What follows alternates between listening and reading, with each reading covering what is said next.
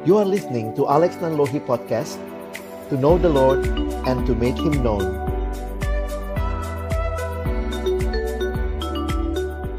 Teman, sebelum kita membaca merenungkan firman Tuhan Kita bersatu di dalam doa. Kami datang dalam ucapan syukur pada malam hari ini. Terima kasih Tuhan Engkau memimpin kami secara khusus dalam satu semester ini ketika kami telah melalui waktu-waktu bersama memuji memuliakan namamu bertumbuh melalui ibadah-ibadah yang Tuhan berikan. Dan hari ini secara bersama-sama kami kembali datang bersekutu memuji memuliakan namamu. Terima kasih karena penyertaan Tuhan yang begitu luar biasa dan sempurna yang sudah kami alami bahkan di tengah-tengah situasi corona yang terjadi di dunia saat ini kesempatan kami juga mengakhiri seluruh rangkaian ibadah kami.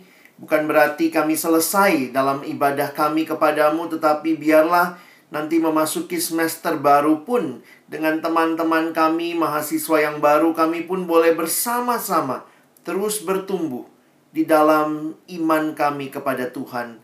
Kami kembali akan membuka firman-Mu, karena itu kami mohon ya Tuhan, bukalah juga hati kami, Jadikanlah hati kami seperti tanah yang baik, supaya ketika benih firman Tuhan ditaburkan itu boleh sungguh-sungguh berakar, bertumbuh, dan juga berbuah nyata di dalam kehidupan kami. Berkati hambamu yang menyampaikan, setiap kami yang mendengar, Tuhan tolonglah kami semua, agar kami bukan hanya jadi pendengar-pendengar firman yang setia, tapi mampukan dengan kuasa dari rohmu yang kudus, kami dimampukan menjadi pelaku-pelaku firman-Mu di dalam hidup kami, di dalam masa muda kami. Bersabdalah ya Tuhan kami umatmu sedia mendengarnya di dalam satu nama yang kudus, nama yang berkuasa, nama Tuhan kami Yesus Kristus. Kami menyerahkan pemberitaan firman-Mu. Amin. Ya, shalom teman-teman sekalian. Kembali bersyukur boleh melayani pada malam hari ini dan saya menyiapkan presentasi juga untuk kita sama-sama akan belajar pada malam hari ini. Teman-teman, tema yang diberikan kepada kita untuk kita pikirkan pada malam hari ini adalah being fruitful to others, ya. Nah, kita akan sama-sama melihat dan belajar dari bagian firman yang akan kita sama-sama baca ya. Nah, saya mengajak teman-teman untuk memperhatikan ini bagian firman Tuhan yang akan mendasari perenungan kita. Di dalam Galatia pasal yang kelima, ayat yang ke-22 sampai ayat yang ke-26. Nah, Abang sudah tuliskan ayatnya di screen, jadi kalian bisa lihat bisa di zoom kalau terlalu kecil, tapi kita akan sama-sama melihat apa yang dinyatakan dalam firman Tuhan di dalam ayat ini. Saya akan bacakan bagi kita. Tetapi buah roh ialah kasih, sukacita, damai sejahtera, kesabaran, kemurahan, kebaikan, kesetiaan, kelemah lembutan, penguasaan diri tidak ada hukum yang menentang hal-hal itu. Barang siapa menjadi milik Kristus, ia telah menyalipkan daging dengan segala hawa nafsu dan keinginannya. Jikalau kita hidup oleh roh, baiklah hidup kita juga dipimpin oleh roh. Dan janganlah kita gila hormat, janganlah kita saling menantang dan saling mendengki. Nah, teman-teman yang dikasihi Tuhan, saya ingat pengalaman ketika masih SMA di daerah dan kami beberapa kali retret. Ada hal yang ya kita kalau retret waktu zaman itu tuh agak serem ya. Kenapa agak serem? Karena dalam pengalaman beberapa kali retret di zaman saya SMA itu di daerah kami pergi ke daerah yang seperti puncaknya, ke pegunungan dan itu hampir selalu ya ada yang kerasukan setan. Wah, itu pengalaman yang uh, satu sisi ya menarik gitu menegangkan karena itu bisa gini ya pernah satu waktu tuh uh, diusir nih dari yang sini nih. Eh pindah ke yang satunya begitu ya. Dan itu uh, begitu mengerikan lah buat kami. Waktu terjadi hal itu buat masih anak SMA dan waktu itu kami jadinya benar-benar uh, serius dengan iman kami. Karena merasa iya ya Kristus itu sangat real berbeda dengan kuasa jahat yang uh, juga real tetapi mencelakakan kita lihat teman kita yang dirasuk roh jahat itu sampai kecapean, sampai dia suaranya berubah, lalu kemudian dia dibanting-banting ke sana sini dan itu membuat kami melihatnya sangat berbeda. Nah, teman-teman kenapa saya ceritakan itu? Saya jadi ingat ayat 25 bacaan kita. Jikalau kita hidup oleh roh, baiklah hidup kita juga dipimpin oleh roh. Nah, menarik sekali memperhatikan di dalam Alkitab, kehadiran Roh Kudus dalam hidup orang percaya tidak pernah merasuk. Tetapi Roh Kudus dikatakan memimpin. Ya. Nah, ini ini signifikansinya sangat luar biasa menurut saya karena roh jahat itu atau um, kita melihat uh, roh yang yang bukan dari Tuhan itu memang biasanya merasuk. Nah merasuk itu orang itu bukan jadi dirinya sendiri Tiba-tiba suaranya berubah mungkin begitu ya. Lalu kemudian beberapa juga kelihatan fisiknya mengalami perubahan. Jadi dia tidak mengalami apa ya kehadiran dirinya sebagai dirinya Tetapi roh jahat itu menguasainya begitu rupa.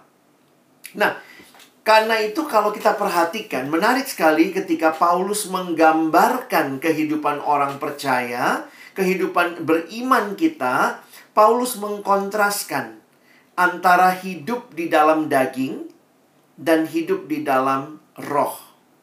Dan itu yang saya katakan sekali lagi, hidup di dalam roh tidak dirasuk oleh Roh Kudus, tetapi kita dipenuhi, dikuasai, dipimpin oleh Roh Kudus. Nah, ini yang penting untuk kita perhatikan menjadi konteks bacaan kita karena teman-teman coba perhatikan sebentar di ayat 22. Di ayat 22 ini, bagian pertama atau kata pertama yang muncul adalah kata tetapi. Jadi tetapi buah roh ialah. Nah, berarti kalau kita membaca Alkitab, kita berPA, teman-teman mesti melihat konteks sebelumnya. Apa sih yang menjadi hal yang dikontraskan Paulus sebelum dan sesudah? Nah, menarik untuk memperhatikan yang paling membedakan hidup orang percaya dengan mereka yang belum percaya adalah sebenarnya kehadiran Kristus di dalam kehidupan kita. Nah, Paulus mengkaitkan itu juga waktu dia membahas hal ini di dalam kitab Galatia. Kehadiran Kristus di dalam diri orang percaya itu menandakan sebuah era yang baru.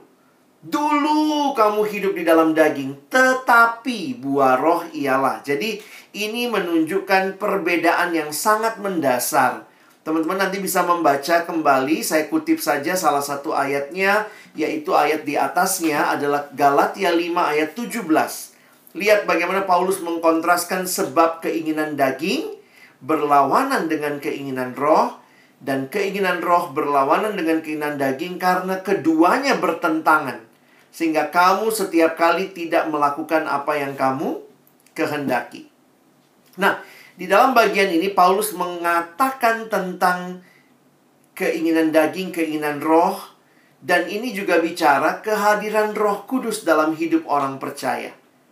Nah, e, gereja-gereja sering kali terbelah dua dalam pemahaman ini. Ada yang mengatakan bahwa terima Yesus itu beda dengan terima Roh Kudus.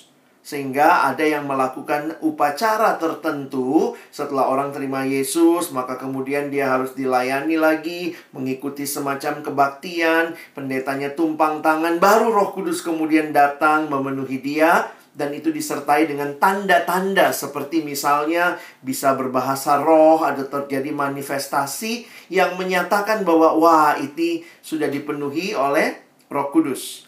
Nah, tetapi di sisi yang lain ada juga pemahaman yang menyatakan bahwa sebenarnya terima Yesus sama dengan terima Roh Kudus. Jadi kalau kita sudah terima Yesus, maka berarti Roh Kudus juga sudah ada di dalam diri kita. Ayat yang dipakai saya pikir yang menarik adalah di dalam 1 Korintus 12 ayat yang ketiga. bahwa siapa pun yang bisa mengaku Yesus Tuhan itu justru karena Roh Kudus berdiam di dalam dirinya. Nah, jadi saya pribadi sebenarnya lebih setuju dengan pandangan yang kedua karena menurut saya lebih alkitabiah. Dasarnya Allah itu kan Tritunggal. Mana mungkin terima Yesus lalu kemudian Roh Kudus ketinggalan di luar lalu nanti kayak panggil Roh Kudus, "Ayo masuk, masuk, masuk." begitu ya.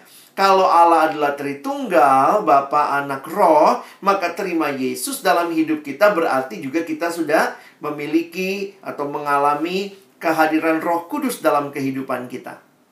Nah, begitu cara saya memahami ayat ini. Sehingga perhatikan bahwa hidup yang lama, hidup di dalam daging, sekarang hidup di dalam roh.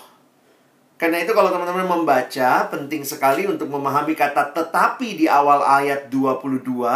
Coba lihat apa yang dituliskan. Nah, ini ayat 19 sampai 21.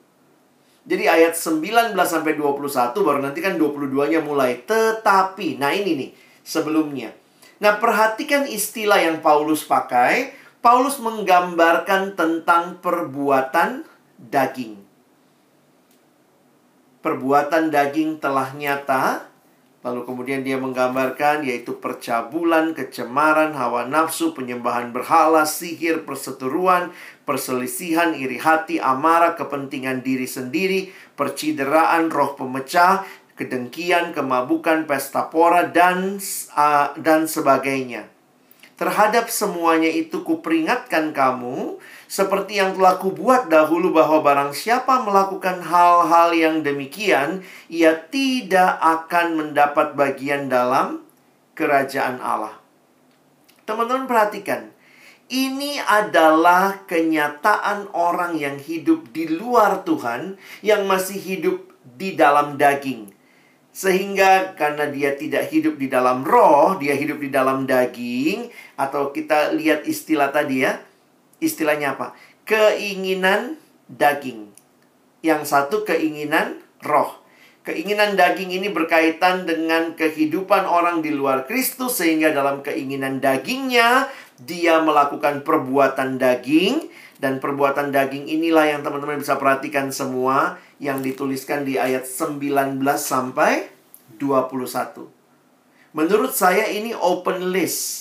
Maksudnya Tentu waktu Paulus menuliskan ada kaitan dengan kenapa cuma ini listnya ayat 19 uh, kecemaran, percabulan, hawa nafsu dan seterusnya.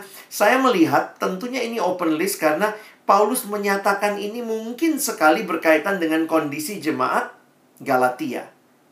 Sehingga ada hal-hal yang dia sebutkan di sini yang mungkin juga tidak muncul di kitab yang lain, tetapi juga demikian sebaliknya ada hal-hal yang dia tuliskan di kitab yang lain tidak muncul di kitab ini.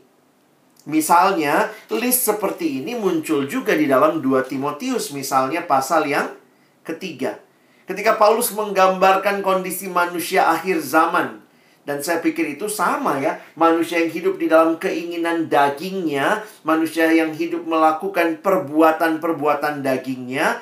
Misalnya, di dalam 2 Timotius pasal 3, misalnya digunakan istilah berontak kepada orang tua. Nah, di sini nggak masuk. Bukan berarti tidak masuk list, tetapi untuk konteks Galatia mungkin itu tidak terlalu penting untuk Paulus katakan, tetapi untuk konteks 2 Timotius itu penting. Nah, sehingga sekali lagi saya mengatakan ini seperti open list yang teman-teman bisa tambahkan karena perhatikan Paulus pun menggunakan istilah pesta pora dan sebagainya. Nah, itulah yang digambarkan bahwa betapa mengerikannya hidup di dalam daging, hidup di dalam keinginan daging, hidup di dalam dosa sebenarnya yang menjadi realita kehidupan umat Allah atau bahkan uh, mungkin saya menggunakan istilahnya begini ya umat yang kelihatannya milik Allah tetapi sebenarnya kalau masih dikuasai oleh kedagingan bukan demikian. Nah, teman-teman bisa perhatikan ini yang penting untuk kita sama-sama waspadai dan bertanya kepada apa yang menjadi pengalaman kita. Mari coba evaluasi diri kita. Terus bertanya, apakah saya sudah ada di dalam Kristus? Apakah saya sudah dipimpin oleh Roh? Dan kalau saya dipimpin oleh roh, maka harusnya bukan hal-hal keinginan daging dan perbuatan daging yang muncul dalam hidup kita.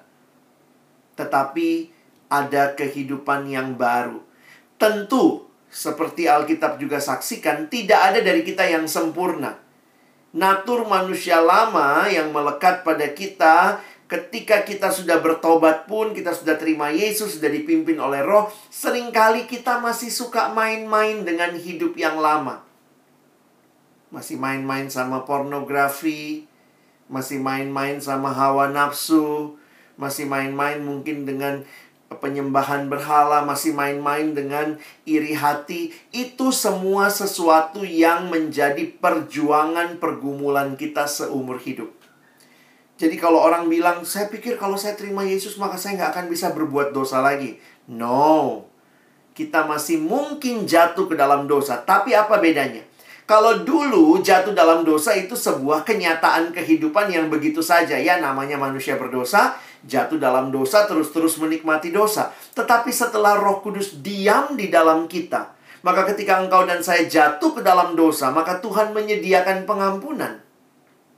Tetapi kemudian yang kedua, Tuhan pun memberikan kekuatan untuk kita hidup benar. Hidup memilih apa yang menjadi kehendak Tuhan. Jadi teman-teman, ini bagi saya jadi satu realita yang menarik.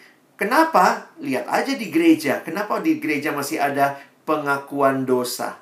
Itu menunjukkan bahwa sesudah kita terima Yesus pun tidak ada satupun dari kita yang sudah sempurna. Kita masih mungkin jatuh ke dalam dosa. Kita harus bertobat sungguh-sungguh, terima pengampunan Tuhan. Tapi ingat, diberikan roh kudus diam di hati kita. Untuk memimpin kita di dalam hidup, di dalam kebenaran. Nah, jadi teman-teman, saya pikir ini penting juga masa akhir dalam perjalanan kita bersama sebagai komunitas potri yang akan mengakhiri semester ini. Coba tanya lagi nih. Saya ini sudah dalam Kristus atau belum? Oh, saya sudah terima Yesus, Kak. Saya udah benar-benar hidup dalam Dia. Nah, sekarang pertanyaannya, dalam pergumulanmu, apakah masih sering jatuh dalam dosa? Waktu kamu jatuh dalam dosa, apa yang kau lakukan? Terus menikmati dosa itu? atau dengan kekuatan kuasa dari Roh Kudus yang berdiam di dalam dirimu, engkau dan saya bangkit dan berjuang terus untuk hidup bagi Allah. Nah, ciri-ciri yang muncul ini adalah yang digunakan atau digambarkan sebagai perbuatan-perbuatan daging. Nah, menarik sekali di ayat yang kita bahas sebenarnya ayat kunci kita ada di sini ya. Di dalam Galatia pasal 5 ayat 22 sampai 23. Sekali lagi perhatikan pembalikannya. Jadi kalau tadi ada sekian banyak list perbuatan daging, tiba-tiba Paulus mengatakan tetapi buah roh ialah. Nah, ini menarik. Buah roh ialah kasih, sukacita, damai sejahtera, kesabaran, kemurahan, kebaikan, kesetiaan, kelemah lembutan, dan penguasaan diri. Teman-teman juga perhatikan waktu lihat list ini, if you are with me, then I think this is not a closed list. This is also an open list. Ini bukan daftar tertutup, tetapi teman-teman bisa menambahkan semua hal di belakangnya. Tapi memang waktu bicara kepada jemaat di Galatia, sembilan ciri ini yang mungkin Paulus angkat karena kontekstual dengan pergumulan mereka. Jadi nanti bisa baca di dalam misalnya uh, kitab 2 Petrus pasal pertama. Ada beberapa kualitas yang muncul juga di sana. Nanti teman-teman bisa baca di kitab-kitab yang lain juga ada kualitas-kualitas kehidupan orang percaya yang ketika Roh Kudus diam di dalam mereka, ini menjadi realita hidup mereka. Nah, teman-teman, apa bedanya? Saya mau kita memahami dulu bedanya. Perhatikan, kalau tadi disebutkan perbuatan daging, maka sebenarnya nanti saya coba jelaskan di akhir ya Secara sederhana, karena perbuatan daging, siapa yang melakukannya? Ya manusia yang dikuasai oleh keinginan daging. Jadi sebenarnya perbuatan daging itu sumbernya internal. Hati yang sudah berdosa di dalam, maka ketika dia lahir menjadi sesuatu uh, keinginan itu lahir dibuahi menjadi perbuatan daging. Tetapi perhatikan ketika Paulus bicara apa yang Roh Kudus kerjakan, Paulus pakai istilah buah. Nah, ini ini bisa menarik untuk kita bahas ya. Paulus tidak menggunakan istilah perbuatan roh. Tetapi Paulus bilang buah roh. Kalau tadi Paulus bilang perbuatan daging. Kalau mau fair kan kalau begitu ini perbuatan roh. Atau kalau tidak dipakai istilah ini buah roh yang tadi berarti harusnya buah daging. Tapi Paulus tidak menggunakan itu. Nah, ini ada bagian yang nanti saya jelaskan di akhir. Tetapi saya cuma ingin menyatakan satu kebenaran yang penting di sini. Kalau ini adalah buah dari roh, maka teman-teman perhatikan.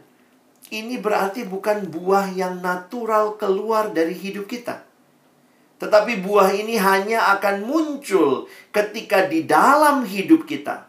Roh Kudus memimpin, Roh Kudus bekerja, dan di dalamnya kita dipimpin untuk memiliki kasih, memiliki sukacita, memiliki damai sejahtera, dan seterusnya sampai penguasaan diri. Jadi kalau kita perhatikan ini bukan buahnya kita. Kita itu yang tadi nih, ini kita. Kalau saya pada diri saya boro-boro senang mengasihi, oh saya lebih senang iri hati, berselisih. Itu yang sangat natural dari hidup di dalam daging. Hidup di dalam daging, keinginannya keinginan daging melahirkan perbuatan daging. Tetapi ketika kita percaya pada Yesus, kita ada di dalam Kristus, maka Roh Kudus diam di dalam diri kita. Roh Kudus memimpin kita. Maka kita akan menghasilkan buah roh. Ini jujur aja, ini bukan buahnya kita. Siapa yang bilang Alex yang dipimpin uh, Alex pada dirinya adalah orang yang kasih, sukacita, damai, sejahtera? Saya jujur aja lebih cocok sama list yang tadi. List percideraan, perselisihan, uh, roh pemecah, kepentingan diri sendiri. Tetapi ketika saya diselamatkan, maka Tuhan mengubahkan hati saya. Tuhan memimpin hidup saya diberikan rohnya yang kudus memimpin. Sehingga inilah buah dari kehadiran roh kudus yang diam di dalam diri setiap orang percaya. Karena itu, teman-teman bisa perhatikan ini saya ambil kesimpulan. Maaf ini slide-nya banyak dalam bahasa Inggris karena waktu itu saya siapkan sebenarnya dari dari buku berbahasa Inggris dikatakan we need the Holy Spirit living in us to help us bear fruit. Jadi hanya karena Roh Kudus diam di dalam diri kita lah kita bisa menghasilkan buah itu. Dan fruit can only be produced as we yield to God and allow His Spirit to work. Dan buah itu hanya mungkin nampak atau dihasilkan di dalam hidup kita ketika kita berserah kepada Allah dan mengizinkan rohnya bekerja di dalam diri kita. Nah, jadi teman-teman perhatikan kehidupan kekristenan yang bertumbuh sebenarnya adalah kehidupan yang semakin menyatakan keserupaan dengan Kristus. Nah, dari mana kita ngukurnya? Saya pikir salah satunya adalah lihat apakah buah roh ini muncul secara nyata di hidupmu. Karena kalau kita bicara, siapa yang paling mengasihi? Ya Yesus. Siapa yang paling sukacita? Ya Yesus. Siapa yang mengalami dan sumber damai sejahtera? Ya Yesus. Jadi apa itu bertumbuh? Makin serupa dengan Kristus, makin menampakkan buah roh ini dalam kehidupan kita. Nah, teman-teman perhatikan sebentar. Yang menarik juga untuk kita pahami dan pelajari bahwa buah roh ini sebenarnya munculnya di dalam di dalam apa? Di dalam bentuk singular. Jadi kalau teman-teman perhatikan mungkin bahasa Inggris lebih jelas ya. The fruit of the spirit is ya, tetapi buah roh ialah. Kalau bahasa Indonesia kan nggak terlalu kelihatan ya. Mungkin kalau kita lihat sekilas gitu, oh apakah ini buah-buah roh? No. Alkitab tidak mengatakan ini buah-buah roh. Ini satu buah fruit lalu kemudian kasih sukacita. Saya menggambarkannya satu buah sembilan rasa. Nah, ini jauh lebih hebat dari nano-nano ya. Kalau nano-nano satu permen tiga rasa, ini satu buah sembilan rasa. Jadi kita bisa melihat, makanya uh, mesti kritis juga ya. Saya pernah dengar ada hamba Tuhan mungkin saking semangatnya khotbah. Saya akan hari ini saya akan mengkhotbahkan tentang buah-buahan rohani. Hah, buah-buahan rohani gitu ya. Langsung kebayang pasar minggu ya beli buah. Tapi kita bicara buah roh. Jadi ini pun mengingatkan kita bahwa roh yang satu itu mengerjakan di dalam kita buah yang ber apa ya istilahnya eh, berdampak banyak. Nah, satu sisi lagi yang saya mau tegaskan berkaitan dengan buah roh adalah begini. Teman-teman perhatikan ketika kita melihat buah roh ini, kita pun sadar ternyata buah roh ini semua munculnya di dalam konteks komunitas. Maksudnya apa? Bagaimana kita mengalami pertumbuhan? Ternyata Tuhan memang dari awal mendesain pertumbuhan kita itu tidak pernah seorang diri. Tapi kita bertumbuh dalam karakter keserupaan dengan Kristus di dalam kesatuan komunitas. Kita tidak mungkin bertumbuh di luar komunitas. Jadi kalau dikatakan saya bertumbuh, saya makin serupa Kristus, berarti apa yang terjadi? Bandingkan, dulu kamu tukang marah, tukang berantem, tukang iri hati, sekarang kamu mulai bisa mengasihi. Nah, teman-teman, berantem, iri hati itu kan mesti ada partnernya. Masa berantem sama angin? Jadi ternyata semua perbuatan daging itu dampaknya komunitas. Dan semua buah dari roh itu dibentuk oleh komunitas dan berdampak kepada komunitas. Itu tema kita hari ini. Kamu nggak bisa bicara kasih dalam kesendirian. Gimana orang mengasihi? Ya, makin mengalami pergumulan di dalam relasi dengan orang yang mungkin sulit dikasihi. Di situ kasih kita bertumbuh. Jadi, ada orang yang mengatakan dulu sama saya dia bilang ya ya nggak apa-apa bang. Yang penting kan saya saat teduh pribadi di rumah segala macam. Waktu itu dia juga malas ke gereja dia bilang semua di gereja munafik begitu ya. Tapi saya bilang jangan lupa loh keserupaan dengan Kristus dalam karakter karakternya itu terjadinya di mana? Di dalam komunitas. Gimana kamu belajar sabar kalau nggak ada partnernya Justru karena itu saya melihat mari beri diri terlibat di dalam komunitas besi menajamkan besi, orang manusia menajamkan sesamanya. Itu hukum kehidupan kekristenan dan di dalamnya kita mengalami pertumbuhan. Ada satu anak dulu pernah datang sama saya dia cerita. Nah, ini menarik juga ya saya beberapa kali ceritakan tentang pentingnya kesatuan komunitas dan kehadiran kita di dalamnya. Nah waktu itu dia bilang sama saya karena dia bilang Kak Alex saya mau protes kenapa? Saya bilang dia bilang saya waktu masuk pengurus saya pikir suasananya surgawi. Ternyata nerakawi begitu ya. Ternyata dia jadi pengurus teman-teman dan waktu saya tanya lebih jauh ketahuan lah masalahnya ternyata dia ciong gitu ya sama satu teman di dalam seksi acaranya dia begitu. Ya ciongnya nggak pernah bisa ketemu tiap kali dia kasih pendapat yang satu membantah, menyanggah jadi akhirnya dia bilang, gue gak bisa banget kak sama dia. Gue gak cocok lah sama dia gitu ya. Lalu waktu itu dia sampai berpikir keluar dari kepengurusan. Terus kemudian saya bilang gini sama dia. Karena dia tanya nasihat ya. Menurut Kak Alex gimana? Saya cuma bilang gini, kamu pernah gak doa minta kesabaran? Pernah kak? Kamu pernah gak doa minta bertumbuh dalam kasih? Pernah kak? Nah saya bilang ini nih jawabannya ya itu itu saya kasih gambaran itu karena saya menghayatinya begini loh. Kalau pertumbuhan itu terjadi di dalam komunitas, ini kesempatannya nih. Tuhan menolong dia belajar mengasihi orang yang sulit dikasihi. Di situ kan kasih kita bertumbuh. Jadi keserupaan dengan Kristus tidak pernah terjadi di dalam isolasi mandiri begitu ya.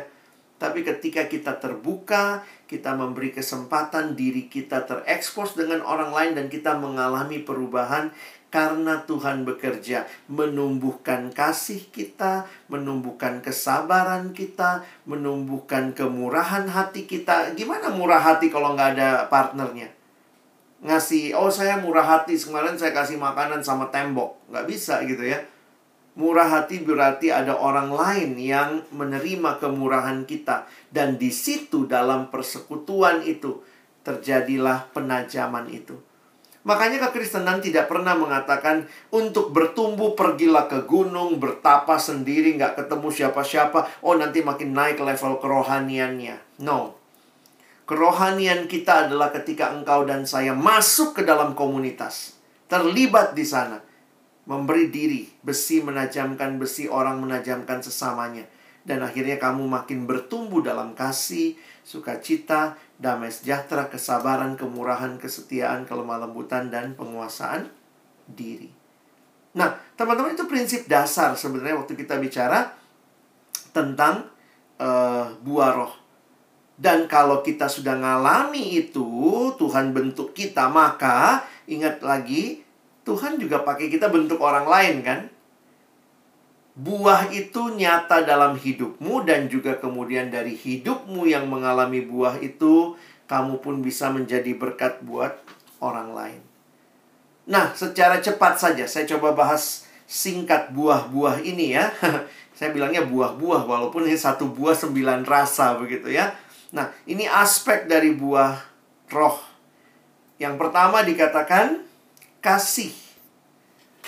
Nah, ini dalam bahasa aslinya dipakai kata agape. Jadi kasih yang walaupun jadi kasih yang tidak menuntut balas. Memang katanya bahasa Indonesia itu bahasa yang paling gampang menjelaskan apa itu kasih.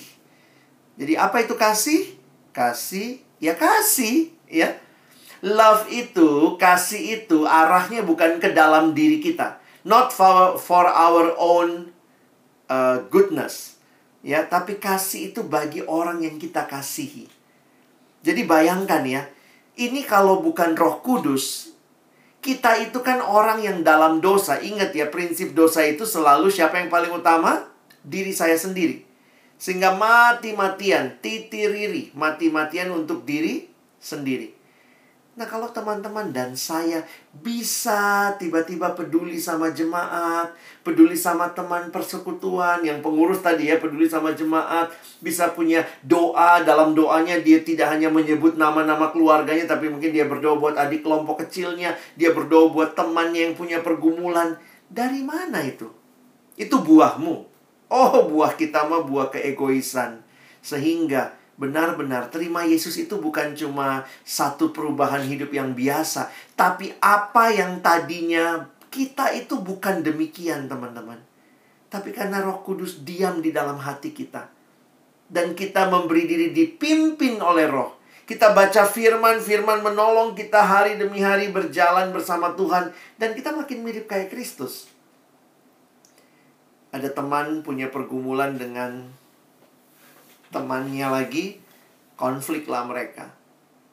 Beberapa waktu yang lalu dia DM saya di Instagram dan dia tanya lah banyak hal. Gimana kak? Kalau saya udah biasa sama dia tapi dianya masih baper kayaknya. Dia kalau lihat saya aja buang muka. Menurut abang gimana? dan seterusnya. Saya bilang kamu belajar apa di Alkitab? Kira-kira karena dia tanya kan menurut abang saya mesti gimana ini paling bagus kalau saya jadi kompor ya saya bilang oh balas kalau dia, dia buang muka kau buang juga mukamu ya. Kalau perlu lebih jauh kau buang mukamu gitu. Kan kita maunya begitu kan kayak film-film drama ya. Eh, lu lu jual gue beli gitu ya. Tapi ke kekristenan bicara no. Waktu kita bisa akhirnya mengatakan iya ya walaupun dia buang muka saya tetap belajar mengasihi dia. Saya bilang gitu sama dia. Sampai akhirnya saya keluarin ayat pamungkasnya lah Tuhan bilang, kasihilah musuhmu dan berdoalah untuk mereka yang menganiaya kamu. Kamu pernah doain temanmu itu? Ya kesel juga sih kak, gimana ya mau doain dia ya? Ya saya bilang ya, you want to be like Jesus? Love them unconditionally. Ah ini kekuatannya dari mana teman-teman bisa punya kasih begini? Bukan dari diri kita. Kalau dari diri kita tuh kompor berantem lu jual gue beli kalau perlu salah satu yang penting salah satu mati gitu ya balas dendam dan seterusnya. Itulah buahnya kita yang tadi tuh, bukan buah, itu perbuatan daging. Nah, teman-teman lihat lagi ya. Nah, dari sini kalian mungkin bisa ngembangin lagi. Joy. Sukacita. Sukacita ini bukan karena apa yang kita miliki semata-mata, apa yang Tuhan kasih sama kita, tetapi sukacita yang sejati karena siapa Tuhan, who he is for us. Dan itu jadi kekuatan. Karena kalau kita suka cita cuman karena menang lotre, karena nilai ujian bagus, itu suka cita-suka cita yang ya kalau lagi bagus suka cita, lagi jelek bete, baper gitu ya. Tapi kenapa ya? Ketika nilai ujian pun sulit, ketika mungkin kondisi keluarga lagi ngalami duka cita, ketika kita mengalami hal-hal yang tidak sesuai ekspektasi, kenapa saya tetap bisa suka cita? Karena sukacita kita bukan bergantung kepada what we have, what God gave me, but because who he is. Nah, itu gimana tuh? Dari mana sumbernya? Saya baru kehilangan uh, papa saya dua minggu yang lalu, tiga minggu, ya kira-kira dua minggu yang lalu, papa saya meninggal dunia. Saya harus jujur mengatakan saya sedih banget gitu. Tapi juga di dalam kesedihan itu waktu datang sama Tuhan, terus kayak gini ya, saya ingat sekali khotbah pendeta ketika uh, sebelum tutup peti, pendetanya bilang dengan sederhana begini, uh, papamu karena dia ambil dari satu ayat begitu ya berbahagialah kematian orang-orang yang dalam Tuhan. Tuhan mau bilang begini sama kalian yang selama ini urus papamu. Oke, okay, bagianmu urus papamu udah selesai. Sekarang papamu aku yang urus. Kira-kira gitu ya. Wah, itu ayat yang sangat melegakan saya. Ya, sangat melegakan mendengar itu bahwa iya ya uh, papa saya kembali ke penciptanya yang memiliki dia, yang ngurus dia jauh lebih baik dari kami bisa mengurusi dia. Kami sangat puas bisa mengurus papa dalam situasi kondisi empat tahun terakhir dalam dalam uh, dia demensia, dia lupa banyak hal, harus pakai pampers, mengganti pampersnya setiap hari. Tapi sukacitanya itu bukan karena papa saya nggak makin sembuh karena kenyataannya makin menurun kondisinya, tapi karena saya punya Tuhan yang kepadanya saya bisa berserah. Dan teman-teman sekarang saya baru bisa katakan iya ya, saya menikmati itu. Jujur aja kalau saya yang dulu yang masih hidup dalam dosa, nggak dapat yang saya mau, saya komplain sama Tuhan. Tapi waktu saya punya roh kudus, roh kudus pimpin saya, firman menghibur, saya baca, renungkan firman. Makanya saat teduh itu bukan cuma abal-abal, sambilan begitu ya Apakah kasihmu bertambah? Apakah sukacitamu bertambah beralih dari apa yang kamu syukuri, yang kamu miliki kepada siapa Allah yang memiliki seluruh hidupmu? Wah ini kalau mau dibahas satu-satu panjang lah ya Tapi saya cuma mau ingatkan Coba lihat nih Kamu orang yang kayak gini nggak? Dan sebenarnya setiap kali merenungkan akhirnya bersyukur Terima kasih Tuhan Ini cuma karena rohmu yang kudus jadi mengerti saya bertumbuh. Bertumbuh itu akhirnya saya harus katakan Tuhan thank you. Saya berubah. Dari saya yang dulunya seperti ayat 19 tadi sampai 21. Sekarang saya pelan-pelan nih. Belum sempurna. Kadang-kadang masih capek juga mengasihi. Masih marah juga waktu kita mengasihi nggak dibales gitu ya. Tapi bukan berarti saya tidak tidak punya kemampuan itu. Tapi Tuhan Yesus memberikan rohnya yang kudus memberikan kemampuan, ada buah yang lahir dari saya dipimpin Roh Kudus. Ini kara ya, jadi nanti kalian bisa lihat juga kalau tadi agape kara itu bahasa Yunaninya, bahasa uh, Inggrisnya joy. Lalu nanti peace, nah ini juga ya, confidence and rest in the wisdom and control of God. Jadi wisdom apa peace kita, damai sejahtera kita bukan karena saya bisa mengontrol, tetapi percaya Tuhan bisa mengontrol. Wow, ketika ujian uh, misalnya udah deadline, kumpul paper, kadang kita yang mau ngontrol ya, kita pengen dosennya kita yang kontrol. Waktu kita sudah lakukan yang terbaik, kita maunya ayo dong nilai terbaik. Kadang-kadang out of our control. But when you can experience peace, kalau kamu bisa alami ketenangan dalam hatimu itu kenapa? Oh, saya pikir itu karena kita percaya. Makanya balik lagi saat teduh doa itu bukan kewajiban semata tapi kesempatan makin menikmati dan percaya sama Tuhan. Patience. Nah ini siapa yang sabar Makin sabar Mungkin ada yang bilang gini Dulu kak Wah kalau gue masih zaman dulu nih Zaman gue SMA waktu masih belum bertobat nih Kalau gue digituin Abis tuh orang ya Tapi sekarang kok kita bisa sabar ya Sabar malah doain An ability to face trouble Without blowing up or hitting out Wow Patience ya Kindness, an ability to serve others practically. Saya maunya dilayani. Mana mau melayani orang. Tapi ketika saya kenal Tuhan, Roh Kudus memimpin. Sampai jadi pengurus loh. Kadang-kadang saya lihat pengurus-pengurus, tahu-tahu nanti di sekretariat, nyapu-nyapu. Ya ampun, di rumah aja lu gak pernah nyapu kali ya. Tapi ternyata ketika engkau melayani supaya nanti jemaat duduk dengan baik, kamu ngepel sekretariat, saya jujur aja mengatakan banyak hal yang waktu saya sadari, kenapa saya mau melakukan itu ya? Ini semua karena Roh Kudus sudah bekerja dalam diri saya. Then I can be a blessing for others, ya, seperti tema kita hari ini. Goodness, being the same person in every situation. Yang menarik sebenarnya salah satu terjemahan atau pemahaman goodness di sini adalah integrity. Jadi apa yang kita katakan ya sama dengan diri kita. Jadi jangan cuma ngomong tapi nggak dilakukan ya. Being the same person in every situation. Lalu kemudian kesetiaan. Faithfulness, menarik sekali ya bicara faithfulness juga kalau kalian perhatikan reliable and true to your word. Bisa dipercaya, setia. Setia itu bicara prosesnya konsisten. Yang kedelapan, ini kerendahan hati, humility. Balik lagi, kita cenderungnya proud of ourselves, boasting, kita memegahkan diri. Tetapi ketika Roh Kudus memimpin, maka buahnya adalah Alex bisa rendah hati. Padahal si sombong ini kok bisa rendah hati ya? Kenapa? Karena karya Tuhan. Roh Kudus memimpin. Dan terakhir kalau lihat ini open list ya. Jadi bisa aja kamu tambah 10 11 tapi Paulus berhenti untuk jemaat Galatia sampai di yang ke-9 bisa mengontrol diri, ability to pursue the important over the urgent. Jadi bisa mengatur diri dan ini semua menunjukkan kepada kita perbedaannya tadi ya.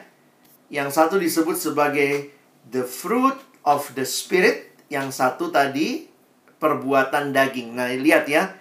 Perhatikan bahasa Indonesia menggunakan kata perbuatan, Inggrisnya menggunakan kata act of sinful nature, tetapi waktu bicara Roh Kudus dibilangnya tentang buah. Nah, dengan demikian, apa yang bisa kita simpulkan dari dari list dua ayat tadi, ada sembilan rasa dari satu buah roh itu. Pertama, berarti ada perubahan sejati yang terjadinya bagaimana? Bertahap, gradual bertahap, tapi pasti terjadi itu tidak bisa terelakkan. Waktu kamu terima Yesus, pasti Roh Kudus bekerja akan memimpin kita, dan itu dari dalam, internal. Sekali lagi, saya nggak dipaksa, tapi kenapa ya saya bisa melayani orang gitu? Tuhan kasih hati yang berubah gitu ya. Ini bukan karena dipaksa, karena diminta, bukan semata-mata karena itu. Itu bisa jadi faktor luar, tetapi ternyata perubahan yang mendasar itu dari dalam dan itu simetris. Maksudnya simetris itu kita nggak bilang begini, pokoknya bertumbuh dalam kasih dulu, nanti kasih tamat, baru kasih sukacita, baru yang kedua sukacita, lalu yang ketiga damai sejahtera. Enggak begitu. Ini simetris, semuanya terjadi pertumbuhan bersama-sama secara gradual. Makanya kalau kita mau ngecek pertumbuhan kita, paling gampang apa? Saya makin mirip Yesus nggak? Masih abstrak. Gimana sih mirip Yesus, Kak? Apakah tindakanmu, perilakumu, caramu berpikir, caramu merasa itu makin serupa dengan Kristus. Minimal sembilan rasa dari buah roh ini bisa menolong kamu melihat. Iya ya, semester ini aku tuh makin mengasihi ya. Aku tuh benci banget sama papaku. Tapi mulai semester ini habis dengar firman, ikut kelompok kecil, aku mulai bisa doain papaku. Wah, saya pernah dengar anak yang bersaksi begitu. Dulu bicara papanya, dia waktu pertama ketemu, dia bilang, "Kak, kalau boleh saya bunuh papa saya." Tapi kemudian semester berikutnya, "Iya, Kak, saya mulai doain papa saya." Belum belum dia belum tatap muka, belum ada usaha apa-apa. Tapi dia bilang, "Saya sekarang mulai doain papa saya." Dari mana itu? Itu hanya karena Roh Kudus bekerja di dalam dirinya. Nah, saya kasih sedikit pemahaman kenapa Paulus menggunakan istilah buah, karena buah itu sebenarnya menarik. Kalau perbuatan itu natural dari dalam diri kita, maka buah ini saya meminjam penjelasan dari Timothy Keller. Timothy Keller mengatakan Paulus tentu sengaja menggunakan istilah buah karena dia ingin menunjukkan bahwa perubahan seseorang di dalam Kristus adalah seperti pertumbuhan sebuah tanaman. Kita tidak bisa benar-benar melihat sebuah tanaman bertumbuh, bukan? Kita tidak menunggu sebuah tanaman bertumbuh dari benih hingga menjadi sebuah pohon yang besar yang berubah. Kamu kan nggak tongkrongin tiap hari. Kadang-kadang terjadi pertumbuhannya waktu apa? Waktu kita tidur. Saya punya ponakan, dia nyirem-nyirem lihat tanaman begitu. Kan dibikin tuh tanaman yang kadang-kadang ada bentuknya apa, disiram tiap hari. Besoknya dia bilang, wih udah ada tunasnya, dia videoin. Besoknya, ih udah muncul nih, mulai ada daunnya ijo-ijo gitu. Itu itu terjadinya gimana? Kita kan nggak tiap hari pantengin ya. Tapi terjadi perubahan. Lalu dilanjutkan. Kita tahu tanaman itu bertumbuh, tetapi kita tidak bisa melihatnya terus-menerus. Kita hanya bisa mengukurnya. Eh, hari ini udah 2 cm loh jagung yang aku tanam. Eh, hari ini udah 5 cm loh. Nah, apa artinya bagi kita? Di dalam melihat perubahan di dalam seseorang, kita harus bersabar. Termasuk juga kamu mesti sabar sama dirimu ya. Karena salah satu yang paling susah berubah sebenarnya kita kita sendiri. Tetapi kesabaran di sini tentunya bukan berarti kepasifan, ya. Kita tidak bisa melihat perubahan dramatis yang terjadi hanya dalam satu malam. Saya jujur setelah mengerti konsep ini agak tidak terlalu apa ya? Kadang-kadang kan di pelayanan ini kita kayak ngukur gimana anak kelompok kecilmu saat teduhnya gimana ini. Kadang-kadang kita mengukurnya kita pikir orang bisa diukur seperti itu. Bagi saya sih nggak seperti itu kita bisa pakai ukuran-ukuran, kita punya standar-standar, tapi lebih dalam lagi adalah kita mendampingi dan kita lihat perubahannya. Dan kalau dia berubah, siapa yang dipuji? Bukan PKK-nya yang dipuji. Wah, itu adik kelompok kecil saya. Wah, saya suruh dia satu, dua, tiga kali. Makanya lihat berubah banget kan. Tapi kata buah mengingatkan kita. Kalau dia bertumbuh, kalau dia jadi berkat. Itu bukan karena petaninya tapi karena ada Allah yang memberi pertumbuhan. Buah mengingatkan kita untuk tetap rendah hati. Ini bukan usaha kita semata-mata, tetapi karena anugerah Allah. Nah, bagaimana caranya mengalami perubahan demikian? Kalau ini pekerjaan Allah, saya melihat Allah bekerja juga di dalam kebersamaan dengan kita. Karena itu perhatikan dua atau tiga ayat terakhir ini Galatia 5, jadi perhatikan, barang siapa menjadi milik Kristus Yesus, ia telah menyalibkan daging dengan segala hawa nafsu dan keinginannya. Jadi keinginan daging sudah disalibkan tuh. Jikalau kita hidup oleh roh, baiklah kita juga dipimpin oleh roh. Jadi ini penjelasannya. Paulus menuliskannya di ayat 24, barang siapa menjadi milik Kristus Yesus, ia telah menyalibkan daging dengan segala hawa nafsu dan keinginannya. Dan Paulus menyatakan di ayat 25, jikalau hidup kita dipimpin oleh kita hidup oleh roh, baiklah kita juga hidup kita juga dipimpin oleh roh. Ini yang membedakan tadi perbuatan daging itu karena perbuatan kita, tapi buah roh itu terjadi kalau kita berserah dipimpin Roh Kudus. Ingat, Roh Kudus tidak merasuk. Karena itu buah itu tidaklah dipaksakan pada kita, tetapi buah itu terjadi waktu kita berserah, Tuhan bekerja, buah dihasilkan. Perbuatan berarti sesuatu yang kita sendiri lakukan, tetapi buah sebenarnya bicara sesuatu yang kita terima dari karya Allah di dalam hidup kita. Tapi bagaimana karya itu terjadi? Ayo dipimpin oleh roh. Dipimpin oleh roh itu berarti taat. Dipimpin oleh roh berarti kita menyediakan diri untuk baca firman. Karena dari situ Tuhan mau mimpin kita. Dari situ Tuhan mau kita berdoa supaya kita mengalami relasi dengan dia. Maka kalau kita lakukan itu jangan sebagai kebiasaan rutinitas. Tetapi nikmatilah sebagai sebuah perjalanan ketundukanmu kepada roh kudus untuk dipimpin. Ya. Mari sama-sama datang minta hidup yang dipimpin oleh Roh karena Roh menginginkan Yesus. Kita harus menyembah Kristus dengan pertolongan dari Roh Kudus, mengagungkan Dia sampai hati kita menemukan Dia lebih indah daripada hal lain yang paling kita inginkan. Pada waktu kita melakukan hal tersebut, kita mematikan keinginan daging, itu bagian kita, mematikan keinginan daging, bersihkan ruang hati kita untuk buah roh bertumbuh. Dan kita akhirnya mengalami bagaimana buah roh itu mengubah kita semakin serupa dengan Kristus. Dan akhirnya apa? Waktu kamu makin serupa dengan Kristus, Tuhan pun pakai kamu dan saya menjadi berkat bagi orang lain. Saya menutup dengan peringatan ini Ingat, pelayanan kita yang sudah kita lakukan bersama selama satu semester ini, ini sedang membangun karakter serupa Kristus, bukan sekadar aktivitas. Ada PJ, datang PJ. Hari ini ada PS, datang PS, begitu ya. Hari ini kita kebaktian apa, tapi benar-benar teman-teman dan saya mengalami hidup yang makin diubahkan. Kiranya ini jadi evaluasi akhir semester kita Apakah engkau makin dipimpin oleh Roh Kudus? Makin berserah sehingga buahnya nyata.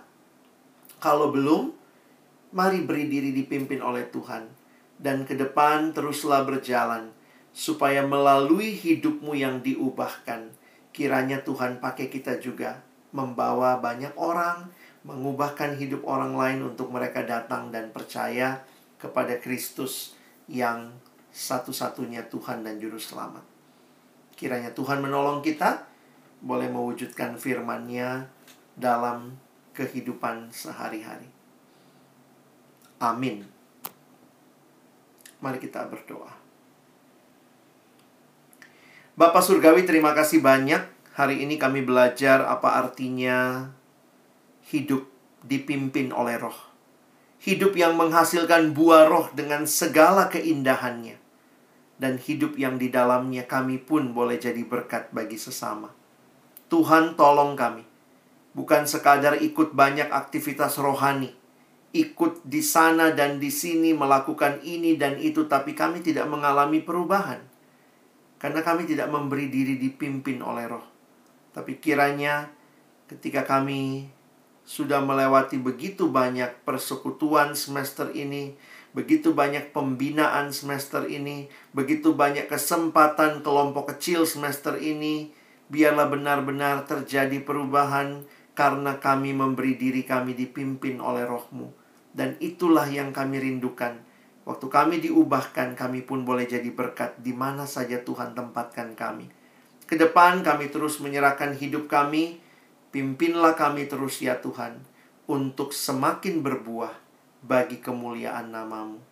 Kami bersyukur untuk persekutuan kami, untuk firman hari ini. Kami menutup di dalam nama Tuhan Yesus Kristus. Kami sudah berdoa. Amin.